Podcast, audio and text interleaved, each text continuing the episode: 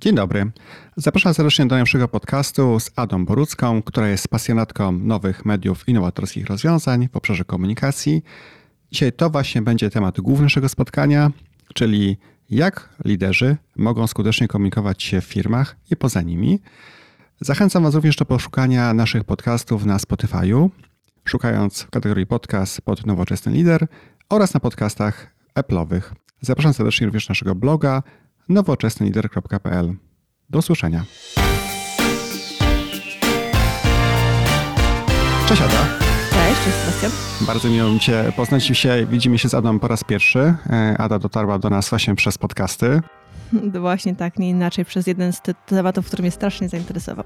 No właśnie i powiem Ci szczerze, że tak jak rozmawialiśmy też przed naszym nagraniem, e, komunikacja ogólnie rzecz biorąc jest bardzo ważna, nie tylko w firmie, no ale rozmawiamy tutaj o liderach, rozmawiamy o firmach i to jest właśnie temat, który chcieliśmy dzisiaj poruszyć. Też chciałem pogratulować serdecznie, bo dostać ostatnio nagrodę Złote Spinacze w kategorii komunikacja wewnętrzna, prawda? Tak, właśnie było. To było piękne zakończenie roku i takie piękne, e, że tak powiem, podsumowanie tej ciężkiej pracy, którą w tym roku wykonaliśmy jako agencja.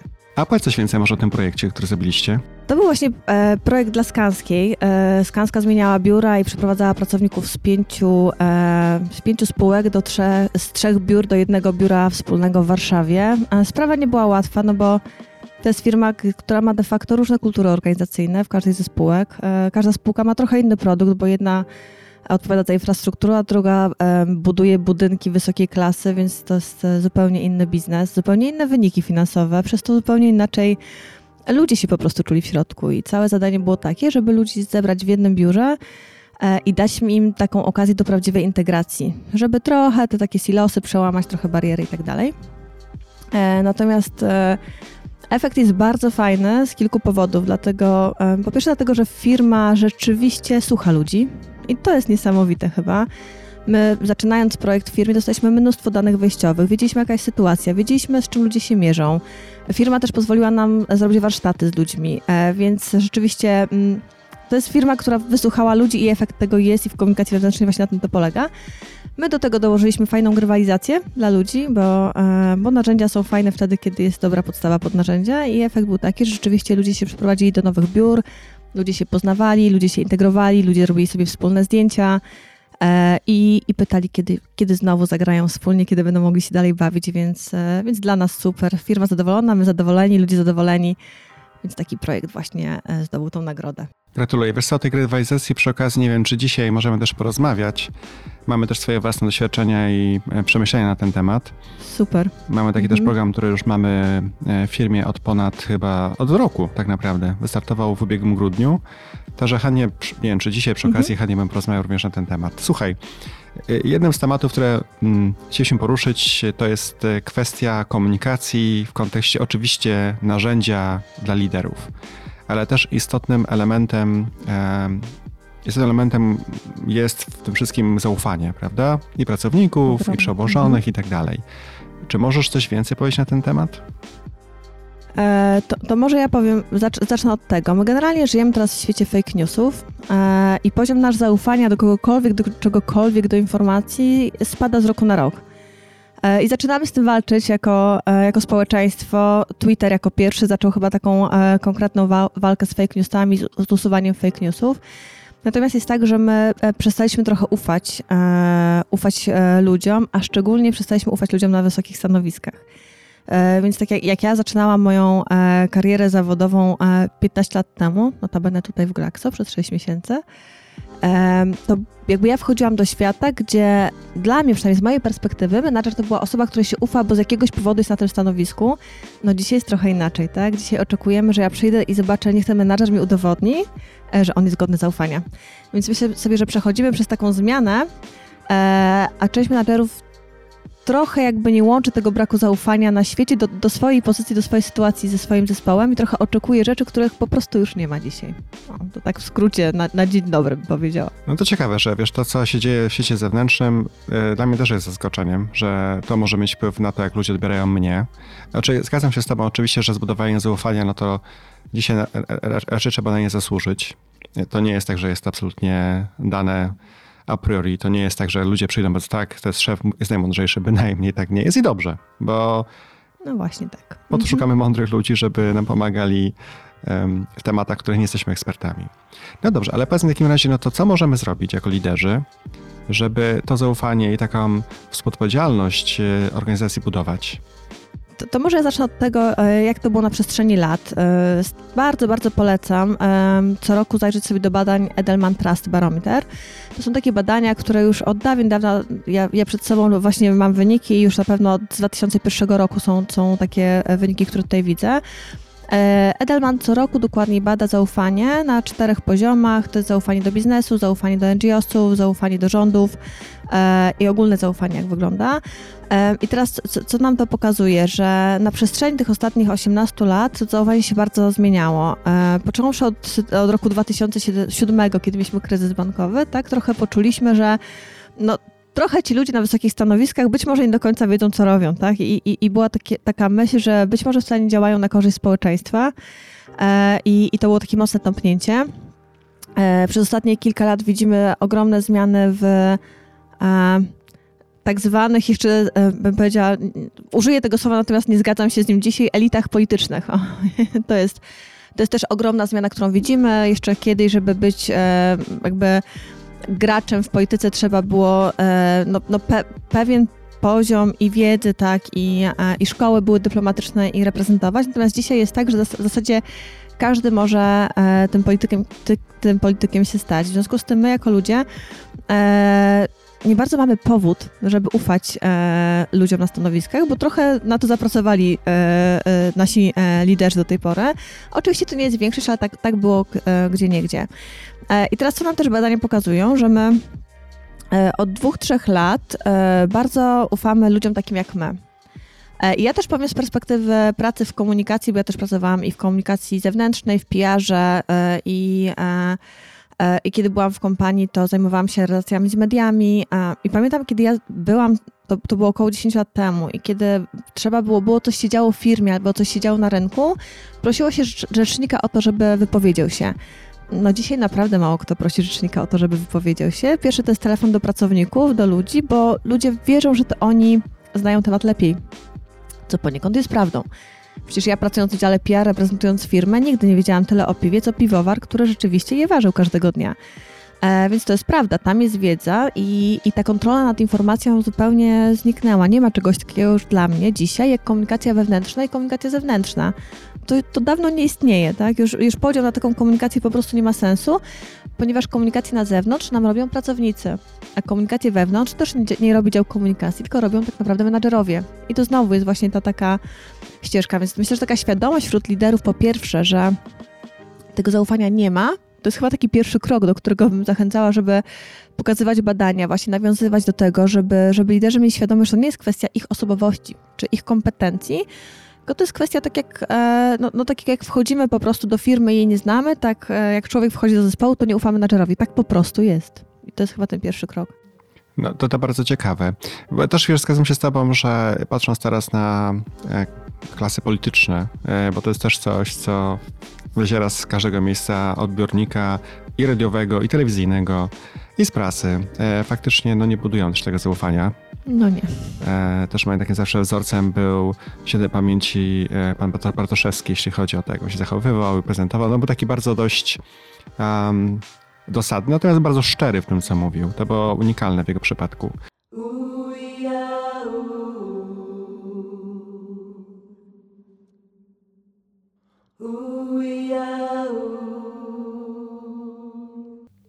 Więc wracając do tematu jeszcze wiesz co, też e, to, co słyszę, że poziom tak zwanego wyczucia na, mm, na kłamstwo w młodych pokoleniach jest dużo większe, aniżeli podobno w moim pokoleniu.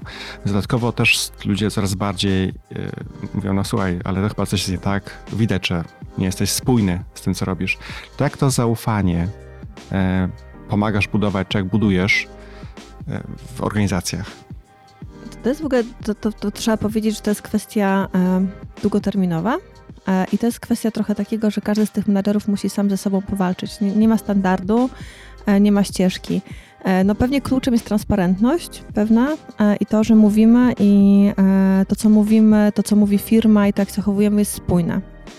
Zdarzały mi się przypadki, sama kiedy jeszcze byłam członkiem zespołu, kiedy przychodził menadżer i mówił, słuchajcie, to jest taka prezentacja, ja nie do końca tutaj to uważam, ale powiedzieli, że trzeba każdemu przekazać, więc tutaj wam przekazuję no wiadomo, że moja jakby nastawienie do tej prezentacji, tego co było w tej prezentacji było e, no co najmniej mało poważne, tak? To nie było coś, co ja bym wzięła poważnie do roboty, bo mój menadżer mi dał jasny sygnał, że firma tutaj coś wymyśliła, ja wam to daję, ale tak naprawdę słuchajcie, w ogóle sobie tym głowę nie zawracajcie. E, I myślę, że takie uświadomienie liderom tego, że też, e, że to, co oni mówią, idzie dalej naprawdę i robi różnicę. E, kiedy na przykład komunikowałam, ostatnio zajmowałam się takim projektem komunikacji e, zmian, przejęcia firmy. To jest firma e, akurat, która działa w Europie i było przejęcie, firma ma siedzibę w Belgii, przejmowała spółkę w Anglii.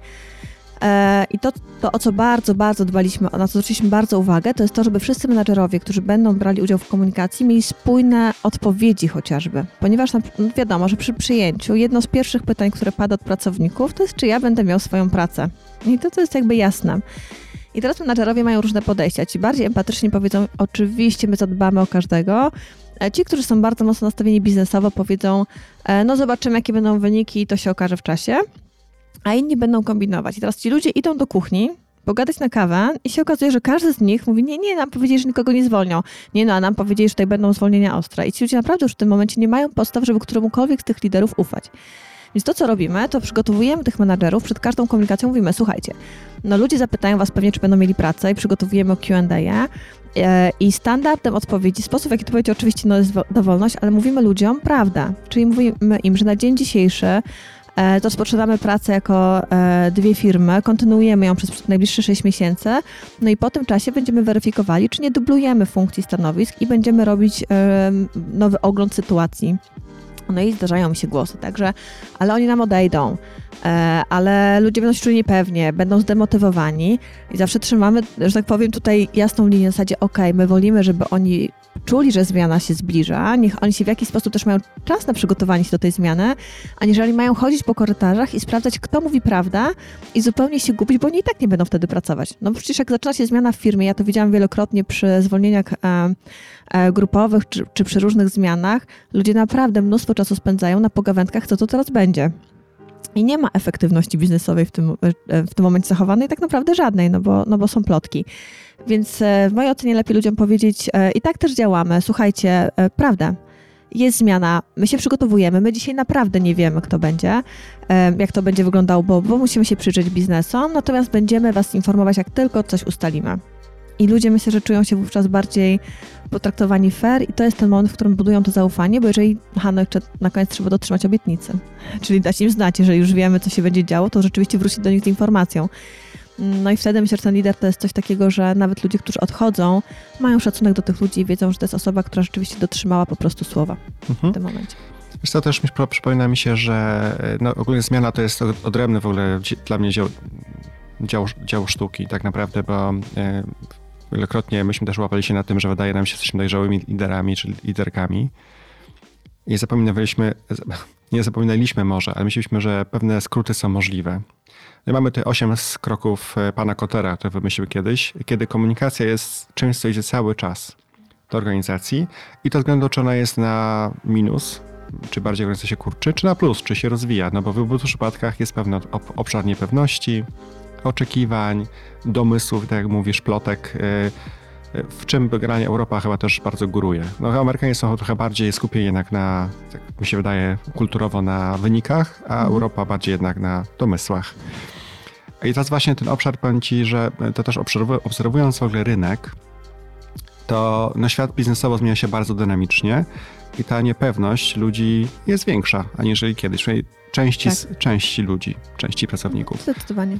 I to, co właśnie mówisz, dokładnie odpowiada chyba taka integralność tym, co się mówi i co się robi, jest bardzo istotna i ludzie szybko zobaczą, że tej integralności nie ma. Ludzie to czują. Też, też dzisiaj przecież mamy tak e, bardzo popularna się robi neuronauka, tak? czy neurozarządzanie, taki jako trend w zarządzaniu. E, dzięki temu, że mamy różnego rodzaju aparaturę, dzisiaj możemy zobaczyć, po prostu zobaczyć, jak mózg działa w różnych sytuacjach.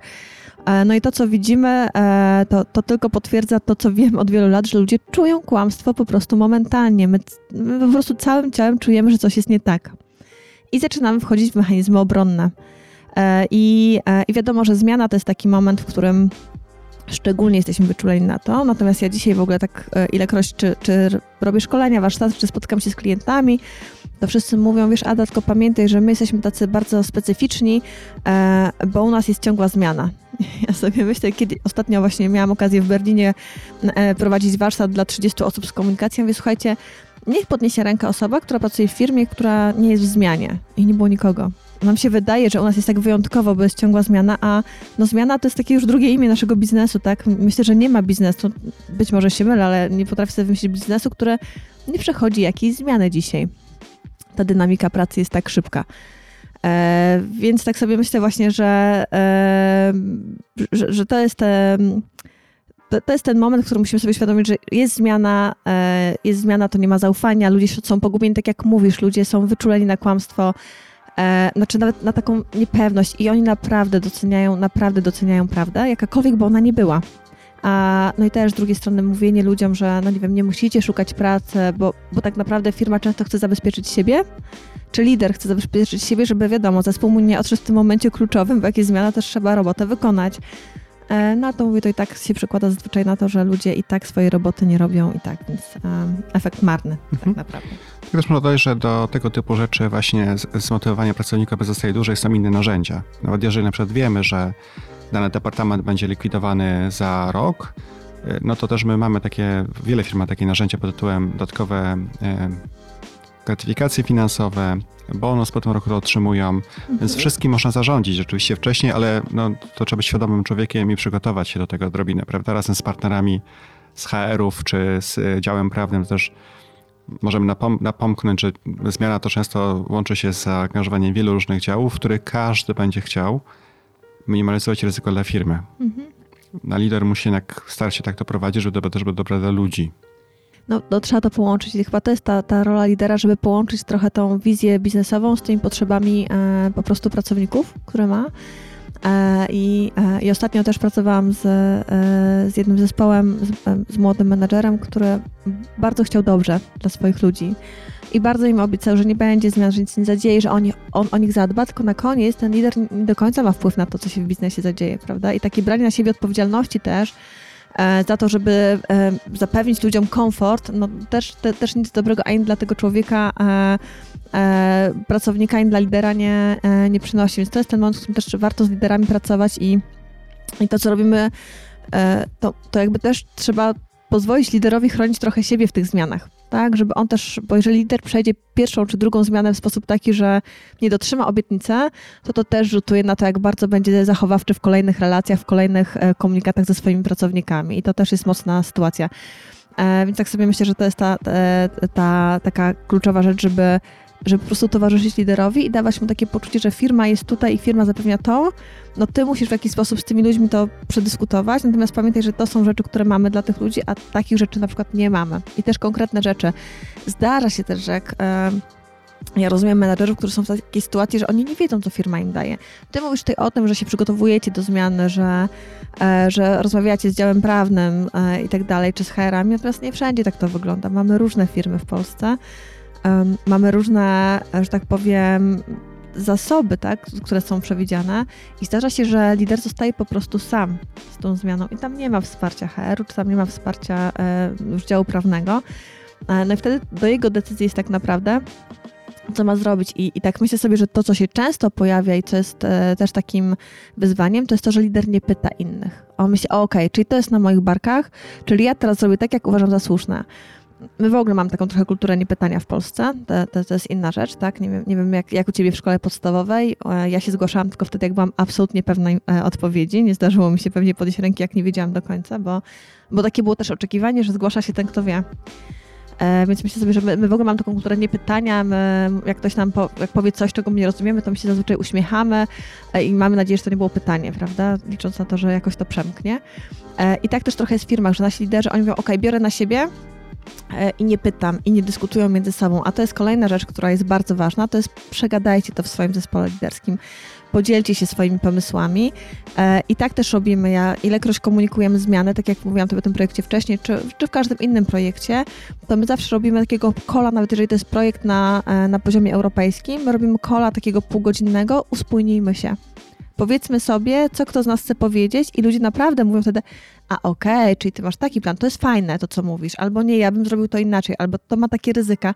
To nie jest długo. To jest dobrze zmoderowane, to jest pół godziny wystarczy, ale ludzie przynajmniej wiedzą, co inni ludzie będą wiedzieli. Mają świadomość, co się dzieje w e, zespole, więc taka też pytanie siebie wzajemnie i pytanie też osoby zarządzającej, tak, jak, jak ona to widzi, bo to jest kolejna rzecz, ta niespójność znowu zbuduje brak zaufania, a ludzie no, oczekują w pierwszej linii kontaktu, że to ich lider będzie przynosił im, im prawdziwe informacje, tak? I, I, od niego oczekują, że będzie tym pierwszym takim, e, taką linią kontaktu, która będzie dawała dobre informacje. Jak nie jest, no to zaczyna się ten drugi obieg informacji w firmie, który sprawia, że no, dzieją się naprawdę fajne rzeczy tam. To jest tak trochę jak e, e, Twitter robił właśnie badania odnośnie fake newsów i okazało się, że ludzie szerują 7 razy częściej informacje nieprawdziwe niż prawdziwe z tego powodu, że one są po prostu ciekawsze. No, wszystko, co jest wymyślone, każda fikcja jest lepsza niż rzeczywistość, prawda? I, e, i tak się dzieje. I, I myślę, że podobnie jest w firmach, tak? Te informacje, które są ciekawsze i nieprawdziwe, chodzą naprawdę częściej i szybciej i naprawdę mają lepsze zasięgi, jakby już mówiąc takim naszym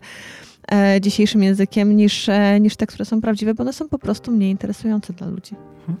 A powiedz mi jeszcze, bo w kontekście samej komunikacji i angażowania właśnie liderów e, na różnych szczeblach, bo nie zawsze zmiana to jest zmiana taka e, strukturalna, czy firmy, czy biznesowa, czasem są to różne zmiany inne. E, albo trochę dopasowanie kultury, albo na przykład nowe narzędzia, czyli rzeczy, które ludziom mają pomóc być, być bardziej, odnieść większe sukcesy w przyszłości. Jak budujesz takie właśnie alianse, żeby ta mhm. informacja docierała wszędzie, gdzie powinna? Zresztą to jest, ja bardzo, że tak powiem, ja bardzo lubię pracować na tym, żeby ludziom było dobrze z tym, co robią, ale jednocześnie bardzo lubię wskaźniki. Jakkolwiek to brzmi dla komunikacji, ma, ma, mało kto, że tak powiem, lubi. E, ja, żeby było ciekawe, jestem po matwizie, więc te wskaźniki są mi bardzo bliskie i liczenie różnych rzeczy. E, natomiast jest tak, że mm, i to widziałam na żywo w firmie amerykańskiej, e, ja po prostu sprawdzam, na ile informacja dotarła do ludzi. I jeżeli lider ma zadanie, żeby tą komunikację skaskadować e, i żeby ona w jakiś sposób wybrzmiała konkretne, e, to my to po prostu sprawdzamy, zbierając feedback od ludzi, zbierając informację zwrotną, bo też myślę sobie, że feedback to jest coś w komunikacji, czego my nie robimy często, a on jest kluczowy do tego, żeby poprawić to, co się dzieje w firmie, żeby w ogóle sprawdzić, czy właśnie ta informacja dociera. Dlatego nawet jeżeli mamy, nie wiem, sytuację taką, że mamy zakomunikować zmianę strategii, o ze zmianą kultury, to bym powiedziała, tutaj już jest w ogóle większe wyzwanie, więc to na razie zostawmy. Jeżeli mamy zmianę strategii, czy nowe plany na nowy rok, czy jakieś nowe strategiczne projekty, cokolwiek, co jest dla biznesu ważne, no to menadżerowie jakby w projektach, gdzie ja prowadzę, gdzie ja z nimi pracuję, zapewniam im, że mają komplet informacji, tak? Poczynając od tego, że jeżeli mamy prezentację prezesa o tym, co się będzie działo i menadżerowie są na tej prezentacji i potem mają skaskadować, to ja po tej prezentacji zawsze proszę o taki e, debriefing dla menadżerów, ponieważ zazwyczaj jeżeli jest ta prezentacja z prezesem i ludzie czegoś nie do końca rozumieją, to nie każdy ma odwagę zapytać prezesa, prezesie, ale o co ci tak naprawdę chodziło w tym wszystkim, tak? My często mamy do czynienia z takim helikopter view, z takim bardzo strategicznym podejściem, z, z wizjonerstwem, bo nie bez powodu osoby zarządzają firmami. I nie każdy menadżer ma teraz kwestię, pytanie, żeby jakby okazję do tego, żeby się dopytać. Dlatego uważam, że bardzo ważne są takie albo właśnie kole, albo spotkania. Ja nie lubię z tego robić takich dużych imprez, niech to będzie pół godziny takiego przejścia jeszcze raz przez prezentację i doprecyzowania, o co chodziło na każdym slajdzie, tak, żeby bo menadżer musi mieć komfort komunikowania, musi rozumieć tego, co ma powiedzieć ludziom i musi to mieć też czas na to, żeby przetworzyć to pod swój dział. Więc to jest jedna rzecz. I dalej jakby jest tak, że odpowiedzialnością menadżera powiedzmy jest to, żeby zakomunikować to swoim zespołom. zespołom. Natomiast to, co się potem dzieje, to my sprawdzamy, czy zespoły otrzymały informacje i co z niej zrozumiałe. Jakby pytamy ich, słuchajcie, czy ta informacja, którą dostaliście, e, przyda Wam się w tym, jak będziecie teraz planować swoją pracę, na przykład, jeżeli to są projekty strategiczne. Czyli my nie pytamy tak naprawdę, czy ją dostaliście, bo to nie o to chodzi w komunikacji. Jakby dostarczenie informacji to jeszcze nie jest komunikacja dopiero jak się dostarczy informację, człowiek ją zrozumie i się zaangażuje, to wtedy to jest jakby cały proces komunikacji. Dlatego tak ważne jest to, żeby sprawdzać u ludzi, czy wy dostaliście tą informację, i jak wy ją odebraliście? Czy jesteście gotowi się zaangażować? Czy jesteście, że tak powiem, chętni do tego, żeby pracować? Czy może potrzebujecie czegoś więcej? I to jest też takie pytanie klucz, czego ludzie w ogóle potrzebują, żeby wykonać swoje e, zadania. E, to, to, też za chwilę sobie pewnie powiem trochę więcej o facylitacji, natomiast to jest taki element, w którym menadżerowie często też nie pytają ludzi. Mówią, dobra, to jest projekt, taki jest ten KPI, taki jest deadline, to musimy robić i często się spotkam z tym, że mówią, i tak po prostu jest. I miałam jakieś dyskusje z moją, e, z moją przyjaciółką, która zarządza e, zespołem IT. No mówi, Ada, ale jak ja dostaję projekt, tak z centrali i ja wiem, że ja go muszę wdrożyć, to co ja będę ludziom mówiła, że oni mają jakiś wpływ? No i mówię im, że trzeba wdrożyć, że taki jest projekt, nie mamy wpływu i trzeba robić. Ja mówię, Aśka, no to z mojego, z mojej perspektywy, to jest tak, że nie widzę powodu, czemu ci ludzie mieliby to zrobić. No mówi, a bo wiesz, no bo pracują, przecież wiadomo, że trzeba zrobić. Ja mówię, jakbyś mi powiedziała, słuchajcie, to jest projekt z centrali, takie są wytyczne i powiedzcie mi teraz, czego wy potrzebujecie, żeby go dobrze wdrożyć. To jest element ten, gdzie ci ludzie mają wpływ, zawsze człowiek ma jakiś wpływ, tylko to jest kwestia takiej wiary i znalezienia tych punktów, gdzie można ludziom dać wpływ na to, co robią albo jak to robią. Więc to jest to, że nie zawsze muszą dyskutować z tym, czy, ale zawsze możemy dyskutować z tym, jak, w jaki sposób. Dokładnie, zgadzam się z Tobą. To jest kwestia zaangażowania ludzi nawet w kontekście budowania planów tego wdrożenia, prawda? Mhm. I tak y, y, zawsze jest tak, że mądrość zespołu spowoduje, że się lepiej ten plan poukłada mhm. i będzie mniej zrzutów później. Na przykład to czysto pragmatycznie patrząc e, na, na działania. To, to wiadomo, że wszystkie firmy, korporacje dostają często e, projekty z centrali. Taka jest prawda. Tak jest. Mniejsze firmy w Polsce mają swoje centralne miejsce, w związku z czym jest to dla nich to trochę mniej widoczne, ale dużo drożej właśnie z tego typu. No dobrze, powiedziałeś o tej facylitacji, mhm. czyli prowadzeniu tak, mhm. komunikacji i spotkań. Czyli ułatwianiu, tak ułatwianiu, tak naprawdę, okay. bym powiedziała. Mhm. E, to, to możesz rozwinąć tą myśl? Jasne, że jestem w ogóle straszną fanką facylitacji od paru lat. Pozwolę sobie na taką dygresję, jak ja do tego doszłam. Ja pracując jeszcze właśnie e, po stronie firmy, często pracowałam z zarządami czy z kadrą menedżerską i ja wchodziłam na spotkanie i, i działy się rzeczy, których ja nie rozumiałam. Ja, ja czułam, że tam się coś dzieje tak, w tak zwanej podwodą, czyli ja mówię coś i jedna osoba mówi bardzo fajnie, momentalnie druga osoba mówi w ogóle, w ogóle nie widzę tego. Więc ja wiedziałam, że tam, tam coś się dzieje pod wodą, wiadomo, to jest polityka, to są, to, to, to są jakby relacje, to są różne rzeczy, których człowiek nie widzi i nie potrafiłam dotrzeć z tym, tak? I to gdzieś tam mocno mnie wycofywało, że nie potrafiłam zaargumentować. I, i, i w ten sposób znalazłam swoje, swoją ścieżkę do facylitacji, którą dzisiaj bardzo używam, ponieważ w mojej jakby moja ocena facylitacja to jest takie dzisiejsze aktywne słuchanie, tak? Czyli to jest to, co robimy w zespole, żeby zespół rzeczywiście wypracował swoje rozwiązania. Teraz sama facylitacja w sobie zakłada, że każdy z członków jakby czy zespołu, czy w grupie, jeżeli pracujemy w grupie, że każdy ma prawo głosu na takim samym e, poziomie, nie rozróżniamy. No to, z czym się spotykamy często, w ogóle spotkania to jest inny temat w firmach, o których można by książkę pisać, jest milion szkoleń, jak robić efektywne spotkania, jeszcze chyba nikt takiego nie zrobił do końca, tak, bo to jest temat rzeka. Natomiast mamy spotkanie i teraz zależy nam na tym, żeby ludzie wypracowali sobie e, na przykład to właśnie w jaki sposób wdrożyć ten projekt, żeby, żeby było ok. E, teraz to, co się zdarza, to część ludzi się w ogóle nie angażuje, część ludzi swoją postawą pokazuje już od razu, że jakby na mnie nie możecie liczyć, różne rzeczy się dzieją na zespole. Facylitacja jest takim narzędziem, które pozwala rzeczywiście z każdego z tych ludzi wyciągnąć to, co jest e, potrzebne i zaangażować każdego, jednocześnie e, dając zespołowi jakby wydobyć tą mądrość grupy, która jest w grupie. E, I teraz jakby to, jak się o tym opowiada, to, to jest strasznie ciężko. Jak się na tym pracuje, to czuć dosłownie magię tego, jak ludzie zaczynają ze sobą pracować.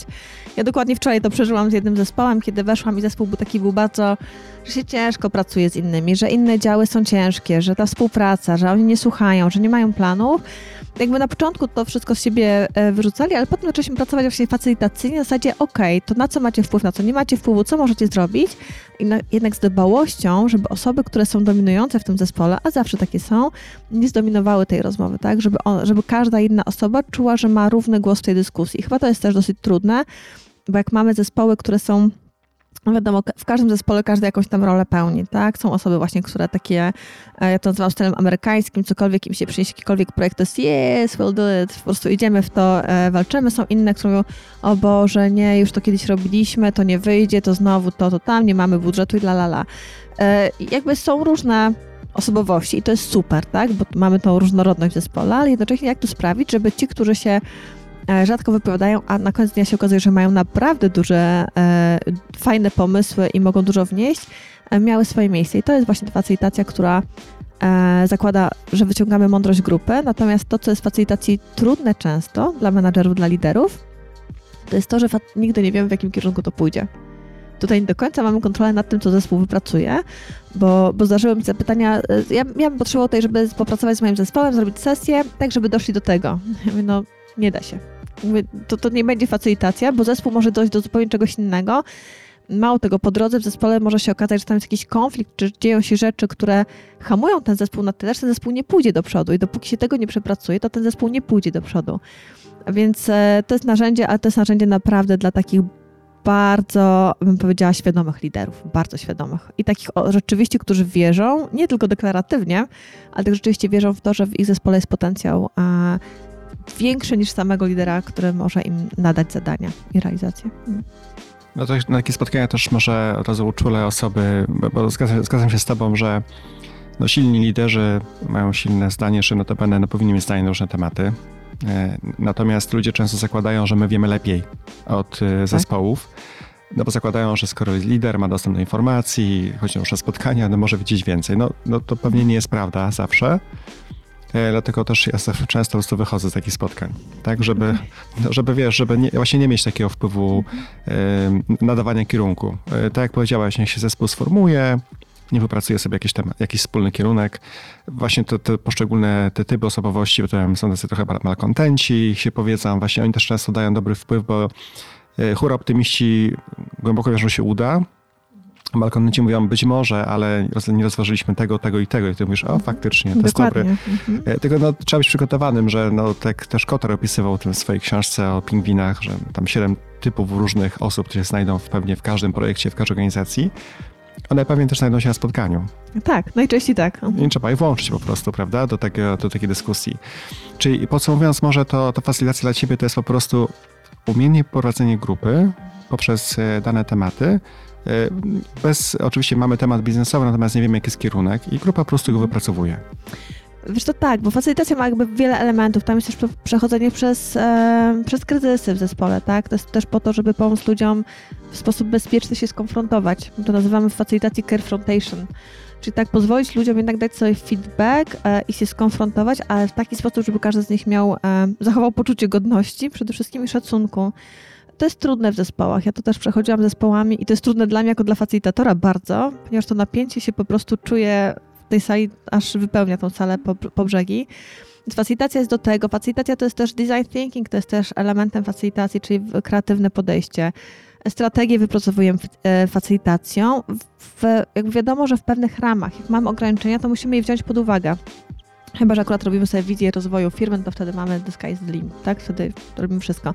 Teraz facilitacja, możemy zadać pewne ograniczenia, natomiast to, gdzie zespół pójdzie, no to zależy już od zespołu. Natomiast to, to co powiedzieć o tym, że się wyłączasz często ze spotkań, to, to jest często, to jest dla mnie ogromnym wyzwaniem. Więc rzeczywiście jak na sali mam e, i zespół, i lidera, e, bo tak jak mówisz, e, zespół zawsze się czuje trochę przytłoczony osobą lidera, lider, ty, jakby ty, ty, masz świadomość tego pewnych e, takich rzeczy, natomiast lider często ma tak, że rzeczywiście myśli sobie, ok, byłem kiedyś specjalistą, e, teraz awansowałem gdzieś tam w hierarchii, jestem menadżerem, czyli ja wiem, jak to robić, czyli ja im powiem, tak, bo skoro mnie docenili za to, co ja zrobiłem, za sposób mojej pracy, to ja im teraz powiem, jak to się robi, no przecież dlatego mnie docenili, tak, i to jest taka trochę pułapka, no, no i to jest rzeczywiście no, niegłupie podejście. Nie? No, skoro ktoś stwierdził, że robi to dobrze, to ja teraz innym powiem, jak mają to robić, żeby to było dobrze.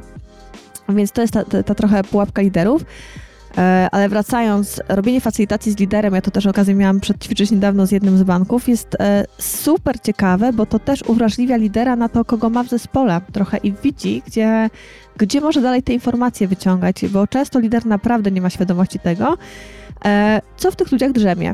My wiadomo, mówimy, że nie oceniamy, że nie szufladkujemy, ale to wszystko nie jest prawda, tak? My gdzieś tam, ja nawet dzisiaj, myśląc o ludziach, z którymi pracowałam przez lata w zespole, no myślę przez pryzmat tego, a, bo to ta to była taka szczególara zawsze, a ten to zawsze to niestety, tak? Mimo, że staram się bardzo pilnować, żeby tego nie robić, to trochę mamy tak, że przykładamy te łatki ludziom. I fajnie jest zobaczyć tych ludzi w trochę innej odsłonie, i zobaczyć, że tylko do, tego mówię, fajny jest, fajny jest facilitator, bo to z reguły jest osoba z zewnątrz, która wchodzi, która po prostu nie wie. Tak? I to jest taki, że ja zawsze jak wchodzę na takie spotkania, to ja czuję, że tam się dzieje tyle pod wodą, ale ja tego po prostu nie wiem. I zawsze ludziom mówię, słuchajcie, dopóki wy mi nie powiecie, to ja po prostu tego nie wiem. E, I oni tak mają, okej, okay, no część próbuje mnie oszukać, wiadomo, tam różne są metody, tak? A to może się nie dało, albo gdzieś tam, ale ja przez pierwszą godzinę ludzi namawiam, słuchajcie, to, co wy wypracujecie, to jest wasze. I to, do czego dojdziecie, jest wasze. I wychodzą różne konflikty, wychodzą różne niesnaski, ludzie sobie tłumaczą pewne rzeczy, ale moim zadaniem jest dbanie o to, e, żeby to się działo bardzo, bardzo bezpiecznie, żeby oni wszyscy czuli komfort tego, że mogą powiedzieć i nie będą ocenieni przez to też w jakiś sposób. Dlatego też nie robię raportów po facylitacji o osobnikach poszczególnych, bo byłoby to super nieetyczne. Też może powiem, to zgadzam się z Tobą, że no pewnie każdy ma jakąś tam tendencję do oceniania osób po pierwszym kontakcie, natomiast też zachęcam wszystkich do takiej ciekawości, bo ja, ja sam się przekonałem, że osoba, która na przykład y, na spotkaniu zirytowała mnie nawet, Okazało się, że miała w pełni rację, że ja tego nie, nie pokazuję, czy nie, nie mówię, że mi zirytowała, tylko staram się później dopytać, y, co miała na myśli. No i muszę powiedzieć, że często myślenie ludzi jest dość pokrętne, natomiast mają rację, natomiast punkt, y, dość im zajmuje od punktu A do punktu B, zajmuje dość dużo żeby się powiedzieć. No ale ta ciekawość później pozwala to prze, prze, przezwyciężyć. Poza tym okazuje się, że to są bardzo wartościowi ludzie bardzo często również, nie? Tylko komunikacja znowu nie jest może ich najmocniejszą stroną, żeby powiedzieć y, w kilku słowach o, o czym myślą. Dobrze, a powiedz mi w takim razie, gdybyśmy, gdybyś miała powiedzieć o liderze, który porywa sobą tłumy z perspektywy komunikacji. To... E, Barack Obama? Tak, to, to prawda. jest pierwsza myśl moja. To jest, tak. też mówię, że jakbym e, już na emeryturze, to chciałabym mieć takiego właśnie klienta do pracy, takiego Baracka Obamy, bo wystarczy mieć e, po prostu e, aparat czy komórkę i za nim iść. I to jest to już, to już jest ta komunikacja. No co miałam takiego lidera, z którym pracowałam sobie... A poczekaj, dlaczego, dlaczego Barack? No, bo ja, ja, widziałem jego wideo, więc ja się domyślam, ale dlaczego cię urzekł? E, on jest taki strasznie naturalny i taki jest bardzo transparentny i taki jest, e, jest przy ludziach, nie traci kontaktu. Mi się bardzo podobała jego wypowiedź, jak dostał pokojową Nagrodę Nobla kiedy właśnie mówił, że obudził się rano, jego córka poszła, podeszła do niego i powiedziała, tato, e, wygrałeś pokojową Nagrodę Nobla i zdaje się, że ich pies ma dzisiaj urodzinę. E, nie wiem dokładnie, ale wymieniła imię i on powiedział, że to było w ogóle taki fantastyczny poranek, bo rzeczywiście dobrze jest mieć perspektywę. Wygrałem nagro Nagrodę Pokojową Nobla, a tutaj jest życie. Po prostu ono się toczy. I ja go za to uwielbiam, że on ma dystans do siebie, że on się, e, on mówi o, o sprawach e, trudnych, ale jak trzeba mówić poważnie, to mówi poważnie, ale jak można trochę, że tak powiem, powiedzieć e, luźniej, to mówi luźniej i nie boi się, że to wpłynie na jego wizerunek jakkolwiek. Wyznaje swojej żonie miłość na antenie e, i też nie ma z tym problemu, bo się okazuje, że lider też może kochać po prostu, tak? Może być w dobrym związku i to nie jest jakiś, nie oznacza, że on nie jest profesjonalistą w tym wszystkim. A my czasami mamy taką taką potrzebę budowania swojego wizerunku. E, pewne rzeczy odstawiamy, że tego nie pokazujemy, innych rzeczy nie pokazujemy i przez to już nie jesteśmy transparentni. Więc ja jestem w Baracku Obamie osobiście e, jakby jako w liderze zakochana. Tak? Czyli, czyli transparentni, bo nie jesteśmy chyba do końca e, spójni. I nie jesteśmy z sobą i ludzie czują, że tam coś jeszcze drzemie w środku i nie wiedzą co i trochę się boją, bo skoro tego nie pokazujemy, no to bo dużo osób, wiesz co, ja też e, znam bardzo dużo osób, które mają jednak e, poczucie e, pewnej prywatności i mocno ją pielęgnują. To co nie oznacza wcale, że to jest złe. Nie? Tylko, że oczywiście no, część osób, twoja preferencja jest taka, że zdecydowanie wolisz osobę, która jest bardziej empatyczna i bardziej ekstrawertyczna. Tak. No, zgadzam się, że akurat prezydent Obama ma unikalne poczucie humoru. Ja oglądałem jego no przemowę pożegnalną. Ona ma chyba półtorej godziny, tak. obejrzałem całą. Jak, jak film. E, tak. On tam śpiewa chyba przy okazji jeszcze, no, różne pamiętam. rzeczy robi, tak ciekawe. Także naprawdę to było dobre pożegnanie i z prasą, i z jego zespołem, gabinetem. Natomiast to też, ja tylko chciałbym go uczulić, to nie jest jedyny pewnie model dla ludzi, bo niektórzy bardzo cenią mhm. właśnie osoby raczej stonowane. To znowu wracamy do tych, wiesz, zachowań ludzkich, nie? Różnych typów osobowości, tak. tak, tak. tak. A to ci powiem o innym liderze, który jest też, że tak powiem, zupełnie, znaczy to nie jest typ, od którego kiedykolwiek usłyszałam jakiś żart. E, miałam takiego lidera w jednej z firm, e, e, kiedy współpracowałam właśnie z firmą amerykańską z siedzibą w Belgii. I, i ten lider miał zespół, który przechodził przez ogromny kryzys. Oni pracowali na rynku bazowałam po angielsku, teraz ciężko mi trochę przerzucić to, e, ale chodziło o transport w, e, na statkach i takie dosyć, powiem, e, trudne tematy. Natomiast oczywiście zmieniły się regularnie, regulacje prawne, wszedł nowy konkurent i wszedł bardzo mocno na rynek i wiadomo było, że jest kryzys i że on nie minie tak o, że to nie jest kwestia miesiąca, dwóch. I to był lider, którego ja naprawdę z podziwem i z ogromną też przyjemnością wspierałam jego komunikację, bo on był bardzo do swoich ludzi bardzo szczery, więc on powiedział mi na początku, słuchajcie, jest tak, że e, wszedł nowa, weszła konkurencja, nie bał się powiedzieć jej nazwy, gdzie wielu liderów bało się, bałoby się, że ludzie po prostu tam przejdą, tak zwyczajnie. Mamy zmianę regulacji prawnych, które polegają na tym i na tym. Nie, nie trzymał informacji dla siebie. On zawierzył, że jak ktoś będzie chciał, to w to zawierzy, ale powiedział to w prostych słowach. Tak? Są takie zmiany. My nie jesteśmy na to gotowi jako firma i potrzebujemy teraz czasu, żeby się do tego dostosować. I powiedział tak, słuchajcie, ja mam na to pomysł, ja widzę światełko w tunelu, ale to będzie trwało długo. E, bez Was tego nie zrobię. Tylko jako zespół jesteśmy w stanie to zrobić, bez Was ja tam nie dotrę, więc e, teraz e, moja taka gorąca prośba do Was, żebyście, żebyśmy pracowali ciężko na to, żeby tam dotrzeć, ale to nie będzie łatwo. Nie będziemy się chwalić co pół roku, nie będzie dobrych wyników, na to trzeba poczekać. On to powiedział ludziom bardzo, bardzo wprost. Równolegle miałam liderkę po drugiej stronie, tak, czy to jest mężczyzna i kobieta, tutaj nie gra żadnej roli, e, która również przeprowadza inny zespół przez, e, przez tą samą sytuację. Powiedziała, słuchajcie, postarajcie się, będzie dobrze, damy radę, no tak się zdarza. Nie dała ludziom takiego poczucia, że ona wie, co robi. Miałam wrażenie, że ona była bardzo blisko ludzi, bardzo chciała im pomóc przejść, natomiast tak jak dzisiaj to widzę z perspektywy czasu, oni nie mieli poczucia, że ona rzeczywiście ich poprowadzi tam. Nie mieli tego po prostu poczucia. Natomiast to, co robił Poli, właśnie on powiedział ludziom, tam jest to światełko i regularnie ich informował co kwartał, jaka jest sytuacja. Udało nam się już zrobić to, dostosowaliśmy to, konkurencja jest tutaj, mówi ludziom, co się dzieje na rynku. Od niego z zespołu nikt nie odszedł. To było niewiarygodne przez te dwa lata. Nikt nie odszedł z tego zespołu, zespół się trzymał do końca. W momencie, kiedy oni już doszli do tego rzeczywiście światełka, zrealizowali, zaczęły się zmiany w zespole. Ludzie rzeczywiście zaczęli gdzieś tam rotować, natomiast w tym najtrudniejszym momencie oni zostali z liderem. E, I ja naprawdę z taką e, ogromnym szacunkiem patrzyłam na to, z jakim on spokojnie, może wiadomo, on miał na sobie ogromną odpowiedzialność, e, nie przerzucił jej na ludzi emocjonalnie, czyli słuchajcie, teraz jest ciężko, pracujcie, będzie la, la, la co się często dzieje, bo to jest, bo to jest trudne. On utrzymał to jako lider, że ja wiem, gdzie idę, mimo że podejrzewam, że miał parę punktów, gdzie się sam zastanawiał, czy na pewno dobrze idzie, tak? No to jest biznes. E, a ludzie szli za nim i on pociągnął ich za sobą. I to była osoba, tak jak, tak jak mówię, on nie miał poczucia humoru, nie tańczył, nie śpiewał, Natomiast dał ludziom takie poczucie pewności, żeby mu zaufali, że on wie, gdzie idzie i ich też update'ował. To, co obiecał, że im będzie mówił, co się dzieje, on to mówił i to nie była skomplikowana rzecz. To była tylko kwestia tego, żeby co trzy miesiące napisać im maila i się z nimi spotkać. Też dużo jeździł po, e, po oddziałach w Europie im powiedzieć, co się po prostu dzieje dzisiaj, tak? Update'ować ich i ludziom to wystarczało, żeby oni wiedzieli, co się dzieje. To może Ada, może podsumowując dzisiejsze spotkanie, gdybyś może, nie wiem, dała poradę e, naszym słuchaczom, e, kilka kroków, nie wiem ile, od których warto rozpocząć, aby budować taką właśnie skuteczną e, komunikację, nie tylko w zmianie, ale ogólnie rzecz biorąc, do, do swoich zespołów czy w swoich organizacjach. Na pewno pierwsze, żeby ludzie polubili siebie, liderzy, i zaufali sobie, że są liderami, to znaczy, że potrafią, tak? I, i żeby trochę zaufania do siebie też mieli. E, to, co jest moim zdaniem bardzo ważne, to pytać zespołu, co oni sądzą, czego potrzebują ludzie w zespole. E, ale trzecim krokiem by było pytać innych, jak mi poszło, jak mi idzie, co ludzie mówią o tym moim sposobie, czy ludzie mi ufają, jakby zweryfikować swoje, e, swoje zachowania. Po spotkaniu z ludźmi, na przykład, pytać innych, słuchajcie, jak w waszej ocenie mi poszło, ale pytać ludzi, którzy dadzą feedback, bo to jest też ciężko. Część ludzi nie daje liderom feedback, więc pytajcie ludzi po prostu o to, jak wam poszło, sprawdzajcie, jak wam poszło I też taka czwarta rzecz to, żeby liderzy komunikacyjnie robili te rzeczy, których się czują dobrze.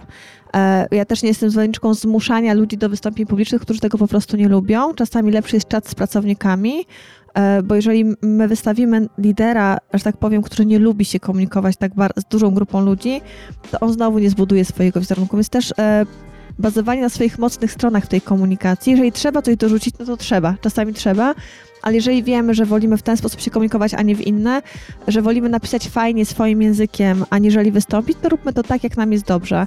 E, no i taka wiarygodność. Ja mimo, że prowadzę, e, jakby wspieram firmę w komunikacji, zawsze bardzo zachęcam liderów, żeby oni sami pisali e, wiadomości do ludzi. Ja ich pisałam mnóstwo przez moje lata pracy za, za różnych menadżerów i one są po prostu niewiarygodne. Więc jasne, dajmy komuś do zredagowania, sprawdźmy, czy tam nie ma jakichś takich błędów, natomiast po prostu albo, nie wiem, nagrajmy ludziom trzy minuty podziękowania za ten koniec roku, e, napiszmy im, zróbmy tak, działajmy tak komunikacyjnie, jak nam jest po prostu wygodnie, bo wtedy ludzie czują, że jest komfort w tym wszystkim, co robimy i jest wtedy ta wiarygodność. Więc to chyba takie cztery kroki by były. Też wspomniałeś wcześniej, że to o tym panu, który właśnie przytoczył jako drugi lider, wiecie, że komunikują się prosto, czyli ludzie nie musieli już doszukiwać się między wierszami, tak. o co chodzi, prawda? To jest też kolejny chyba element. Tak, i teraz kiedy o tym mówisz, mam jeszcze jedną rzecz, żeby mówić do ludzi rzeczami, które ich interesują. My często piszemy do ludzi, którzy e, są na specjalistycznych stanowiskach, czy gdzieś tam w hierarchii e, odpowiadają za bardziej operacyjne rzeczy, a mówimy im poprzez KPI, poprzez wizję firmy, e, a, a, dla ludzi ważne jest to, czy, czy, firma jest z tym zadowolona, czy ja dobrze robię swoją robotę, czy ja będę miał swoją robotę, czy w ogóle jak zespół mnie potrzebuje. I czasami mówienie takimi naprawdę planami strategicznymi na 5 lat, to nie jest to, czego ludzie potrzebują. Ludzie potrzebują wiedzieć, czy tu, dziś, tu i teraz jest ok, czy ja mam coś zrobić inaczej, więc też tak właśnie do ludzi. To, to prawda, zgadzam się z tobą, mm. że y, oczywiście to warto odnieść się oczywiście do jakiegoś kierunku nadrzędnego, jak właśnie wizja, czy właśnie plany. Natomiast na koniec dnia najbliższa koszula ciału, prawda? No Czyli to, co tak. jest wokół mnie, co będzie w moim miejscu pracy za tydzień, za, za miesiąc, za pół roku, E, część osób pyta, mam brać kredyt czy nie, na przykład. No, no to muszę sobie odpowiedzieć na to pytanie życiowe, no bo mają mhm. rodziny, mają swoje potrzeby, mają wakacje, chcą wiedzieć, co mają robić. Masz rację. Ada, yy, dzisiaj poruszyliśmy sporo tematów. Oj, tak. Naprawdę. I była komunikacja, i było trochę o wartościach, i było trochę o gamifikacji. Mhm. To, że będziesz miał ochotę, możemy się spotkać jeszcze. Zawsze. I na przykład gamifikację możemy jeszcze spokojnie, mhm. jeszcze, jeśli masz ochotę, przegadać Bardzo na dwóch różnych business case'ach tak naprawdę. No, dokładnie. Fajnie mhm. by było porównać, co działa, co, co można zrobić inaczej. Fajnie. Super. Dzięki serdecznie za rozmowę. E, Dziękuję bardzo. Słuchajcie, będą też oczywiście linki do Ady profilu i do informacji, które możemy udostępnić na naszym blogu nowoczesnylider.pl. E, pod artykułem też zapraszamy serdecznie do odwiedzenia strony do słuchania nas na Spotify, jak również na podcastach Apple'owych. Do usłyszenia. Dzięki.